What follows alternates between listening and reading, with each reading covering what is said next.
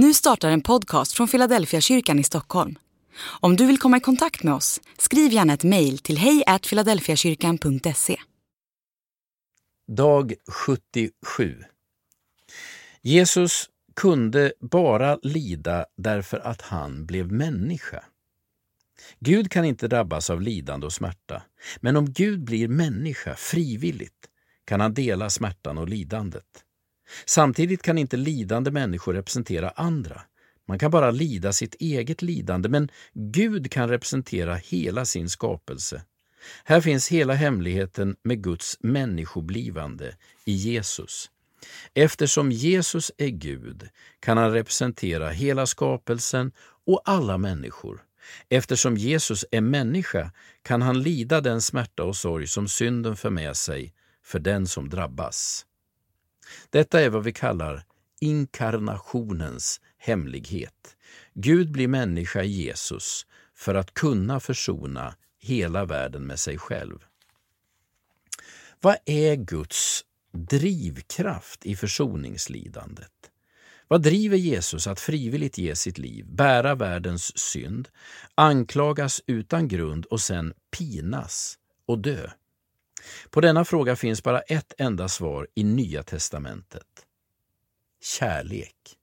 Så älskade Gud världen att han gav den sin enda son, säger Johannes i kapitel 3 och vers 16.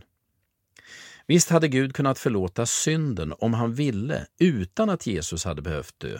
Han är ju den allsmäktige. Men Gud vill något mer än att bara röja undan bekymmer. Han söker våra hjärtan och vår kärlek. Han söker försoning, vilket handlar om en process och en överlåtelse. Om Gud bara hade stökat undan synden hade vi varit som bortskämda ungar med överbeskyddande curlingföräldrar.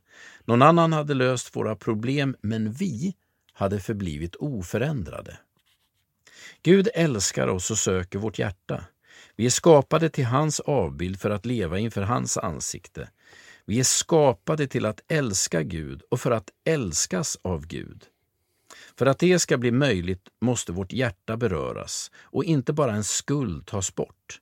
Därför handlar försoningen djupast sett om att du ser Guds kärlek till dig genom det Jesus har gjort och börjar söka hans ansikte. Frälsningen handlar om en relation som blir upprättad och en kärlek som blir mottagen.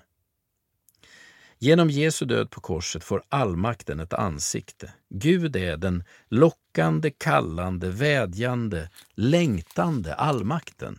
Han är inte den kalla, beräknande, opersonliga allmakten. Han bär våra synder för att kunna beröra våra hjärtan. Han ger sitt liv för att han älskar oss. Och det han söker är vår kärlek i retur. Men den kan inte befallas eller hotas fram.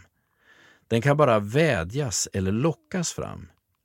Därför är det kristna evangeliet ett frids eller fredsbudskap om Guds kärlek till oss och alla människor överallt.